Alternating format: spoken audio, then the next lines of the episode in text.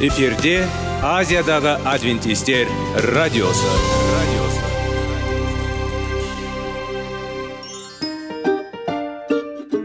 сәлем достар. Денсаулық өмір бұлағы және біздің бірінші байлығымыз демекші денсаулық сағаты рубрикасына қош келдіңіздер. Біздің рубрикада біз әртүрлі факторларменен мәліметтерменен кеңестерменен бөлісіп шын жүректен сіздердің дендеріңіз сау болғанын қалаймыз. Сол үшін біздің рубрикаға қош келдіңіздер. Дайындалып тұрыңыздар. Өйткені келесі минуттарда қызықты фактілерге ие боласыздар. Енді достар ең бірінші байлығымызды қолымызға алып алға кеттік.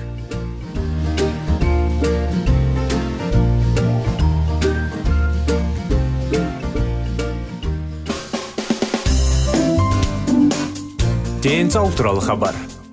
Денсаулықтың ашылуы. Күн сайын сөз үшін күшті кеңестер соңғы жаңалықтар қызықты факторлар. Біздің рубрикада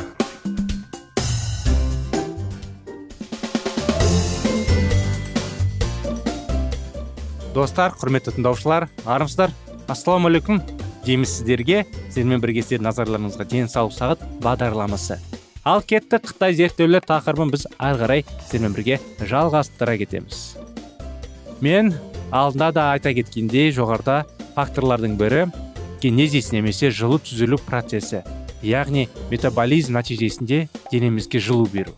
Бақылаулар көрсеткендей вегетарианшылардың метаболизм жылдамдығы бөлме сәл жоғары. Яғни олардың денесі аздап сіңіп кетеді. Дене шығаратын жылу түріндегі калория оларды дене майы ретінде қалдырмайды. Зат алмасу жылдамдығының салыстырмалы түрде аз өсуі күн ішінде ауыр калорияның мөлшерін жағуға әкеледі. Бұл құбылыстың маңыздылығын түсіндіретін ғылыми базаның көп бөлігі. Физикалық белсенділік салмақ жоғалтудағы физикалық белсенділіктің рөлі айқын. Ғылыми дәлелдер бұл туралы куәландырады. Жақында жүргізілген жаңағыдай шолуда дене салмағының дене салмағының арақатынасы қарастырылған барлық сенімді зерттеулер жүктемелер белсенді адамдарда дене салмағы төмен екендігі байқалады. Басқа зерттеулер көрсеткендей тұрақты жаттығулар салмақ жоғалғаннан кейін қалыпты салмақты сақтауға көмектеседі. Бұл да таң қаларлық емес. Жаттығуды бастаңыз. Содан кейін оларды бұзу жақсы ой емес. Енді қалдырып кетпеңіз. Бастадыңыз да оларға жалғастырыңыз әрдайым. Оларды өмір салтының бірі бөлігі етіп жасаған дұрыс. Жақсы пішінге ие болу. Және оны сақтау жай калорияларды жағу емес қалыпты салмақты сақтау үшін қандай физикалық белсенділік қажет? Мысал бұл көрсеткішті бағалау жақсы шолу кез негізінде алынған. Бұл күн сайын 15-тен 45 минутқа дейін жаттығулар сізге салмақты. Осы жүктемелерсіз 5 килограмм жаңағыдай 5-тен 8 килограммға төмен ұстауға мүмкіндік береді деген қорытындыларға келеді бір қызығы біз күнделікті тұрмыстық істермен байланысты стихиялық физикалық белсенділігімізді ұмытпауымыз керек. Нәтижесінде бұл күніне жүзден 800 кал жағуға болады. Үнемі аяғымен және физикалық еңбекпен айналыстырыңдар әдетте отырықшы өмір салтын ұстанатындарға қарағанда көп калория жұмсайды. Дене салмағы бақылау үшін диета мен физикалық белсенділікті біріктірудің арықташылықты. Мен үшін тәжірибелік жануарларды қатынысумен өте қарапайым зерттеулердің арасында айқын болды. Есіңізде болсын олардың диетасына стандартты 20 пайыз казеин сиыр сүтінің ақауызы немесе тек 5 пайызы казеин кірді. Тамақтануы тек 5 пайыз казеиннен тұратын. Егей құйрықтарында қатерлі ісік ауруы аз болды. Қандағы холестерин деңгейі төмен және өмір сүру ұзақтығы жоғары болды. Олар сондай ақ аздап көп калория тұтынады.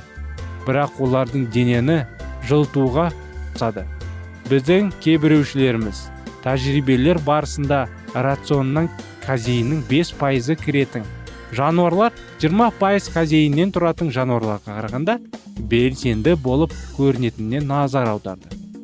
Мұның тексеру үшін біз егей құрықтарыңдың бір және екінші тобын дөңгелектермен бекітілген торларға орналастырдық. Әрбір дөңгелегі болды. Жарақтаулы оқшаулардың айналасым саның бірінші күні рационы 5 пайызын казеиннен тұратын. Жануарлар доңғалақта ерікті түрде жаттығады. Бұл жануарларға қарағанда шамамен екі есе көп диета 20 пайыз казеиннен тұрады. Екі аптаның ішінде тамақ құрамында 5 пайыз казеин бар. Асқазан ішек аурулары дөңгелекте әлде қайда көп болды. Енді біз салмаққа қатысты бірнеше қызықты бақылауларды біріктіре аламыз. Өсімдік негізіндегі диета екі себепке байланысты салмақты. Бақылау үшін оңтайлы калориялы балансына қол жеткізеді. Біріншіден бұл жағдайда калория дене майы түрінде сақталмайды. Және бұл әсерді бір жылды курста сақтау үшін көп калория қажет емес. Екіншіден өсімдік негізіндегі диета физикалық белсенділікті арттырады. Дене салмағы төмендейтіндіктен жүктемелер оңай беріледі. Диета мен жаттығулардың жиынтық әсер салмақ жоғалтуға және жалпы денсаулықты жақсартуға әкеледі. Дұрыс бағыттағы қозғалыс. Сезімдік. Бүгінгі таңда батыс елдері тап болып отырған денсаулық қиындықтарының ең қауіпті жаршысы. Ондағы миллион адам мүгедек болады. Бұл осы елдердің денсаулық сақтау жүйелеріне бұрынғыдан да ауыр жүктеме әкеледі. Көптеген адамдар мен институттар бұл мәселені шешу үшін жұмыс істейді. Бірақ олар жиі ақпараттандырылады және олардың әрекеттері қисынсыз жылдам бағдарламалар мен жарнамалық трюктер туралы көптеген уәделер бар. Бірнеше апта немесе тіпті бірнеше ай ішінде теміздікпен күресу мүмкін емес. Сондықтан сіз тез салмақ жоғалтуға көмектесетін диеталардың дәрі дәрмектердің және таблеткалардың сақ болуыңыз керек. Бірақ сау адамның денсаулығына кепілдік бермейді. Салмақты тез азайтуға мүмкіндік беретін. Диета денсаулықтың жақсы жағдайына ұзақ уақыт бойы қол жеткізуге және оны үнемі ұстап тұруға көмектесу керек. Сондай ақ сезімдікті тәуелсіз деп санаудың негізінде тенденциясы байқалады. Менікі оқшаланған ауру. Егер артық салмақ осылай қабылданса онда назар сезімдікпен тығыз байланысты басқа ауруларды бақылау кезінде осы ауруды емдіктен нақты әдістерін іздеуге бағытталған. Осындай анықтама бүгінгі күнде де сіздер назарларыңызға достар зерттеулер жайлы. Келесі бағдарламаға дейін сау болыңыздар.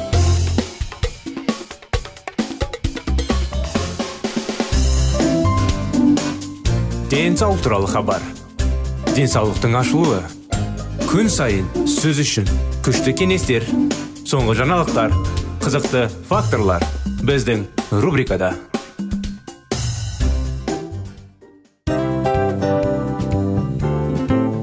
Әуелі байлық денсаулық екінші байлық он саулық үшінші байлық ақ жаулық. Ал енді осындай радио парақшадан кейін не дейміз?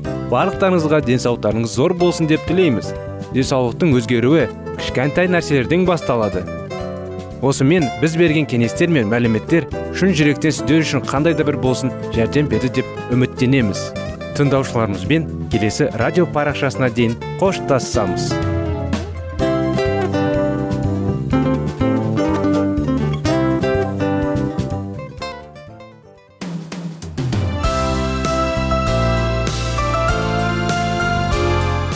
эфирде азиядағы адвентистер радиосы.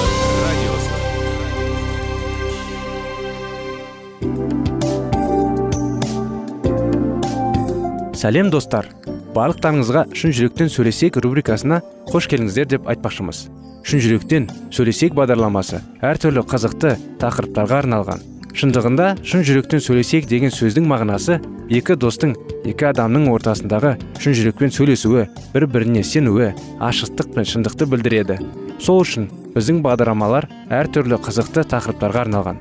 Дайындалыңыз жаңа қызықты мәліметтерге ие болуға. Ондай болса кеттік.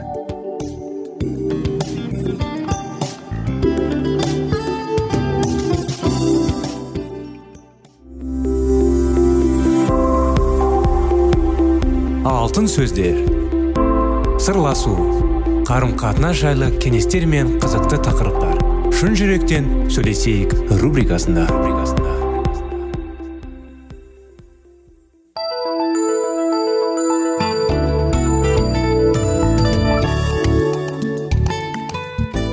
Әрдайым сіздерді біздің бағдарламада қуана қарсы аламыз. Сәлеметсіздер ме? Армысыздар құрметті радио тыңдаушыларымыз. Сіздермен бірге шын жүректен сөйлесейік бағдарламамыз. Келіңіздер бірге 25 керемет неке оқиғаларын жалғастыра кетейік. Қызмет етуге шешім қабылдау керек. Қайсыларың ең бастысы болғандарың келсе сол сендерге қол іспетті қызмет ете берсін. Осы сияқты мен де құдай тағалаға билеуші бола тұра. Өзіме қызмет етуге емес өзім қызмет етіп көптеген адамдардан азаттық төлемін өтеу үшін жанымды қиюға осы дүниеге келдім дейді. Некені бақытты етудің бір ақ жолы бар. Бұл жол елдің көптігінің көздерінің тасалынған. Осы жол оңай көңіл әрі жеңіл еместігін сізге алдын ала айтқымыз келеді. Бірақ некеде сүйіспеншілік пен мақсат қабылдауға әрі содан рахат көру үшін. Содан басқа жол болмайды. Сіздің сол жолдың құпиясын білгіңіз келе ме? Бұл қызмет ету некеңізді бақытты ету үшін. Өз жұбайыңызға өміріңізді арнап оған шын жүректен қызмет көрсетуден басқа жол жоқ. Біздің сізден осы кітапты осындай бағдарламада соңына дейін оқып шықстан немесе келесі тарауды ашпастан бұрын осы тақырыптардың бетін жауып қоя салу үшін кенеттен ұмытылмауыңызды өтінеміз. Біздер құдайға қызмет етудің тұжырымындасын әдетте зор қуанышқа бөлмейтінін білеміз. Ол ең дұрысы. Мұнды сезімдерді және тіпті қайғы қасірет басқа көзқарасты тудырады. Біз басқа адамның мүдделерімен тілектерімен және өзгеше ілтипат білдірумен әуестенеміз деген ойлар жөнінде. Біз сары уайымға салынамыз. Алайда иса құдайдың ұлы және патшалардың патшасы өзінің басты мүдделерімен қызметші болу үшін шешім қабылдады. Біздің ең жақсы мүдделеріміз оның барлық өмірінің ісіне айналды. Ол құқық бойынша оған тиесілі орынды қалдырады да құдай мен адам арасындағы жер мен көктей алшықта тұңғиықтың дәнері болатын көпірді салуға кірісіп кетті. Ал қазір біздерді құдаймен табысталғаннан кейін ол біздің ең үлкен армандарымыздың тілектеріміздің және қуанышымыздың орнын толтырған үшін рахатқа бөленіп отыр. Ол бізге әдеттегіден тыс өмір сүріп оған ұқсас болу үшін айрықша құқық берді. Тіпті иса өз өмірін құрбан еткен кезде де ол бізге шынайы рухани игілікке толы ағыл тегіл мол болсын деп өмір берді. Осы теңдесі жоқ және шексіз қызмет ету бізге әсіресе ерлі зайыптылардың қарым қатынасының үлгісі іспеттері берді. Енді кеменің жоғар жағында тазарланған кезде сіздің өзіңіздің армандаған отбасын құру мүмкіндігіңіз бар. Өз арманыңызды тауып соған қол жеткізу дегеніміз. Бұл егер оны өз өміріңізге бастайтын болсаңыз сіздің тағдырлардың қуанышқа төлеуі бөлеуі деп түсініңіз. Егер сіз өз еркіңізбен бере алатын болсаңыз құдай патшалығында бірдемені сақтап алуға болады. Өзіңіздің жұбайыңыз үшін өзіңіздің ең жақсы мүдделеріңізді құрбандық етсеңіз сіз өзіңіздің некеңізде көргіңіз келген қуаныш сүйіспеншілік пен молықтырды сол кезге ғана келуі мүмкін. Өздерінің ғана қамын ойлайтып мәшіқшілердің ең бақытсыз болып шығатынын байқап көрдіңіз бе?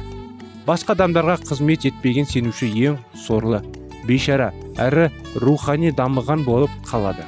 Себебі адамдарға қызмет етуіміз деген біздің исаның рухани тамырлардың мәсіхтің жаңа болмысында орын алған.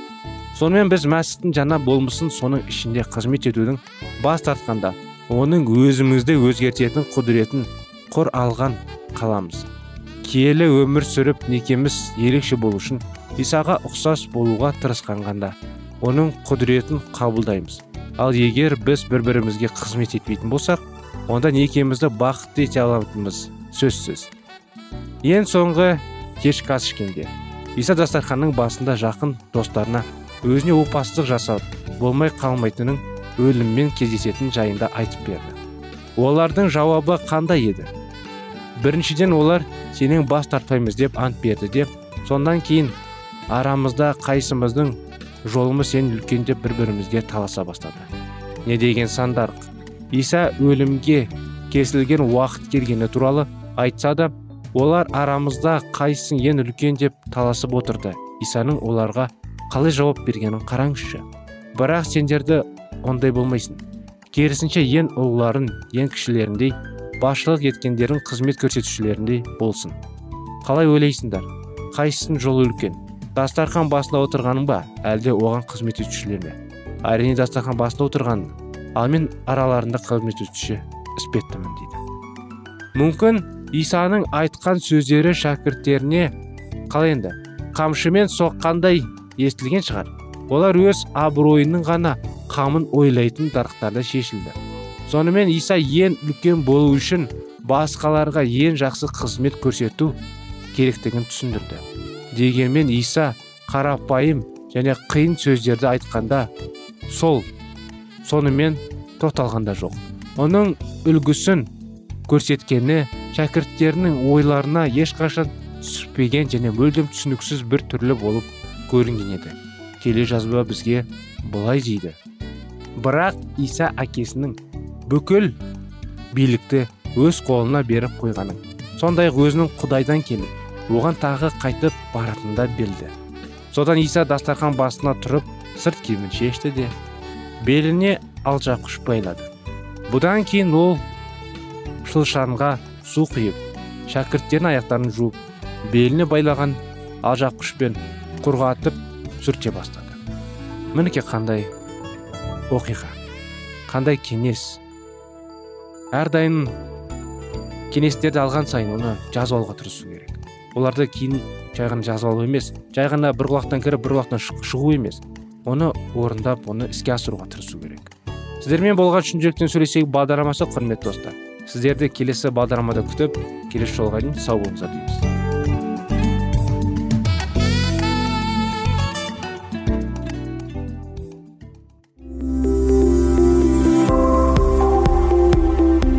Алтын сөздер. Сырласу қарым қатынас жайлы кеңестер мен қызықты тақырыптар. Шын жүректен сөйлесейік рубрикасында.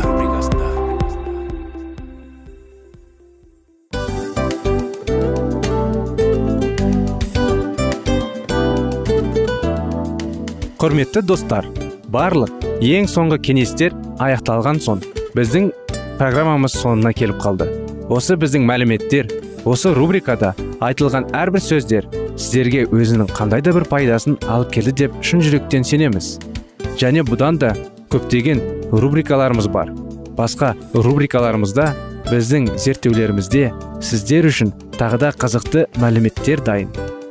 Біздің шын жүректен сөйлесейік парақшамызда көптеген әдістер ең соңғы кеңестер адамның нравственность жақтан моральдық жақтан тазалап байыта тұрған соңғы кеңестердің барлығын жанарады. сондықтан алдыңғы күндерде бізбен бірге болыңыздар. Өйткені барлық қызықтар алдыда.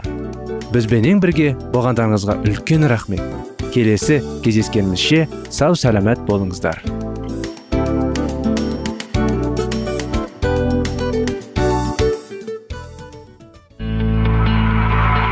Дүниеңді байытқан жүрегіңді жаңғыртқан өмірдің мағынасын ойландырған рухани жаңғыру рубрикасы.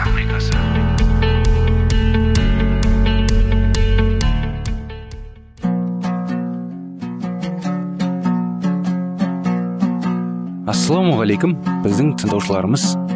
Келі кітаптың шындығын ашып берген қысқа бағдарламасына қош келдіңіздер.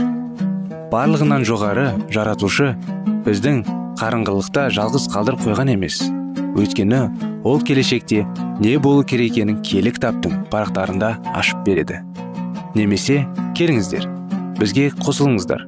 Жаратушы бізге нен ашып бергенін зерттейміз.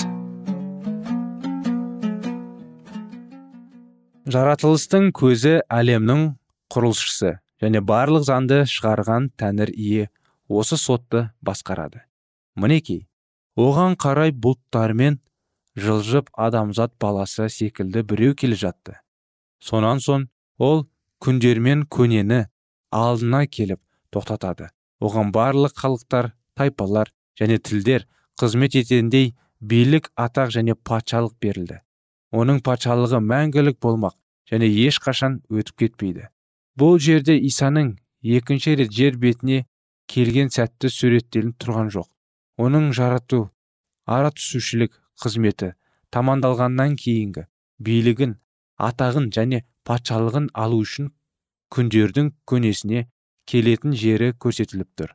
2300 күн аяқталғаннан кейін яғни 1844 жылы исаның аршашы қызметіне кірескен кезі былай сипатталады. Ұлы бірінші діни қызметкер адамзат баласы үшін аратусушілік қызмет тамамдау.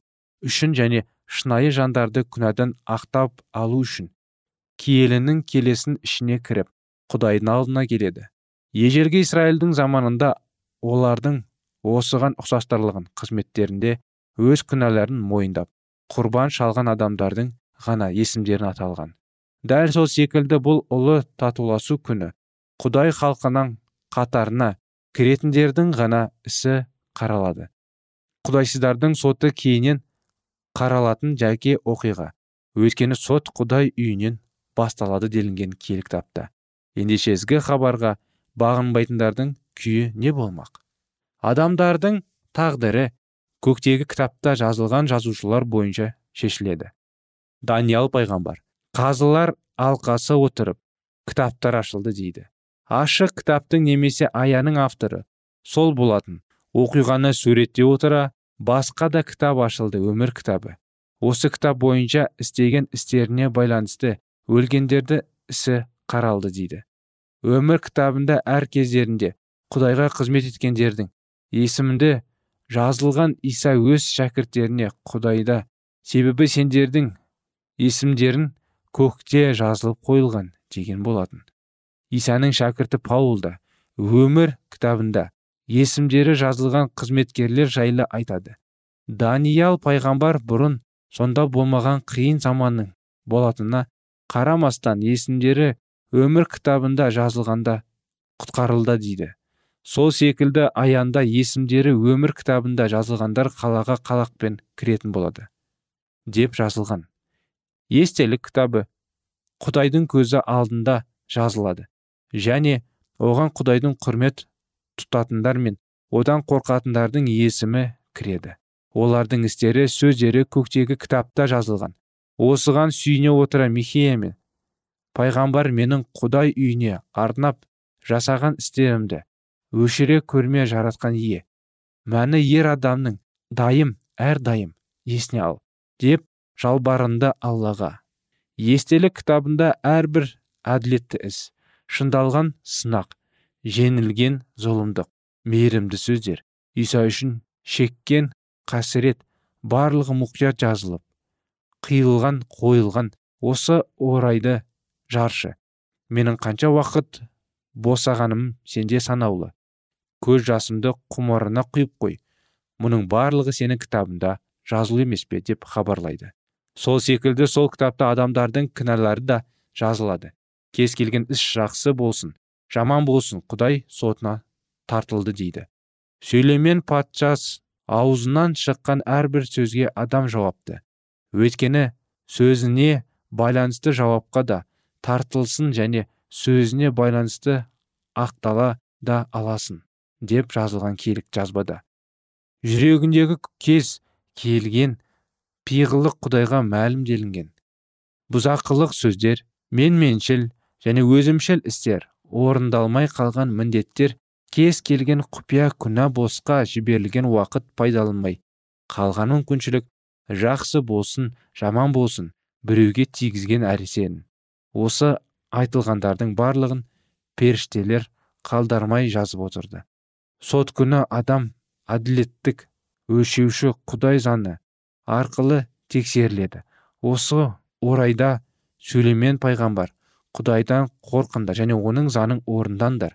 Өйткені адам баласына ең керегі осы және кез келген іс жақсы болса да жаман болса да сотқа тартады дейді. Жұмаққа кіруге құқылы деп табылғандар бұрын қайтыс болып кеткен пәк жандардың қайта тірілуін куәгерлер болды. Иса былай дейді ал өлімнен тіріліп жұмаққа баруға лайықтылар періштелер ісіппетті болады. Себебі олар тіріліп құдайдың балалары атанды. Жақсылық жасағандар қайта тіріледі дейді бізге киелі жазба. Шынайы жолын болып өлгендер сот біткеннен кейін ақталатады деген үмітінен сон қайта тіріледі. Яғни олар өздерінің істері қаралып жатқан сотқа қатыспайды. Сотта олардың қорғаушылары иса мәсіх болады. Мәсіх құдайдың алдына тақуалар үшін өтініш жасайды. Ал егер сендердің араларын біреу байқамай күнә жасаса оның орнына құдайдың алдына оның іздеушісі иса мәсіх барады. Мәсіх бізде үшін көктегі қасиетханаға кірді деп жазылған құдай өз сондықтан да біз иса арқылы құдайға келіп жасаған қателіктерімізге кешірім ала аламыз. Өйткені мәсіх тірі және үнемі біздің мүдделеріміз қарастыруда. Сот уақытына құдайдың алдында. Көктегі кітаптар ашылған кезде солармен қатар келінің алдында исаға сенетіндердің де өмірі ашылды. Сонда біздің көктегі қорғаушыларымыз жер бетінде өмір еткен алғашында адамдардан басталсын. Кезде өмір сүріп жатқан соңғы адамдарға дейін жетіп.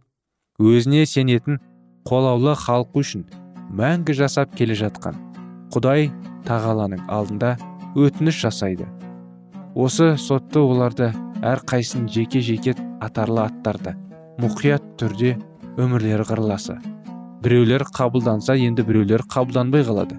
Егер адам тәубесіне келмесе яғни оның кешірілмей қалған күнәсі болса сол адамның есімі өмір кітабынан өшіріліп естелік кітабында жазылғанның жақсы істері жойылды.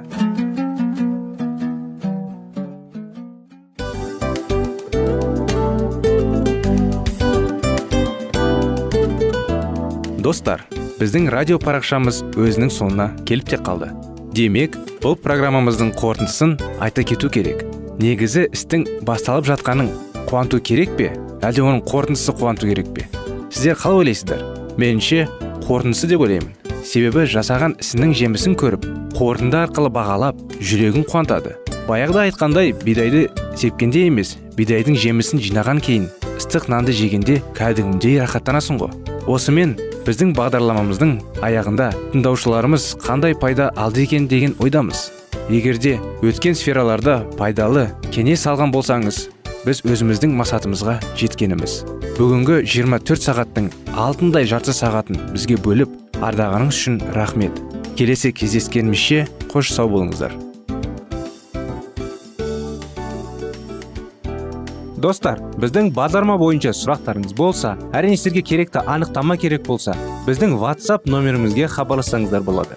Плюс бір үш жүз бір жеті жүз алпыс алпыс жетпіс. Иә достар сіздер қателеспедіңіздер бұл біздің номерлерге ұқсас болмаса да бұл whatsapp номер арнайы. Хабарласыңыздар сұрақтарыңызды қойып тұрыңыздар. Анықтаманы алып тұрыңыздар. Плюс бір үш жүз бір жеті жүз алпыс алпыс жетпіс whatsapp номері.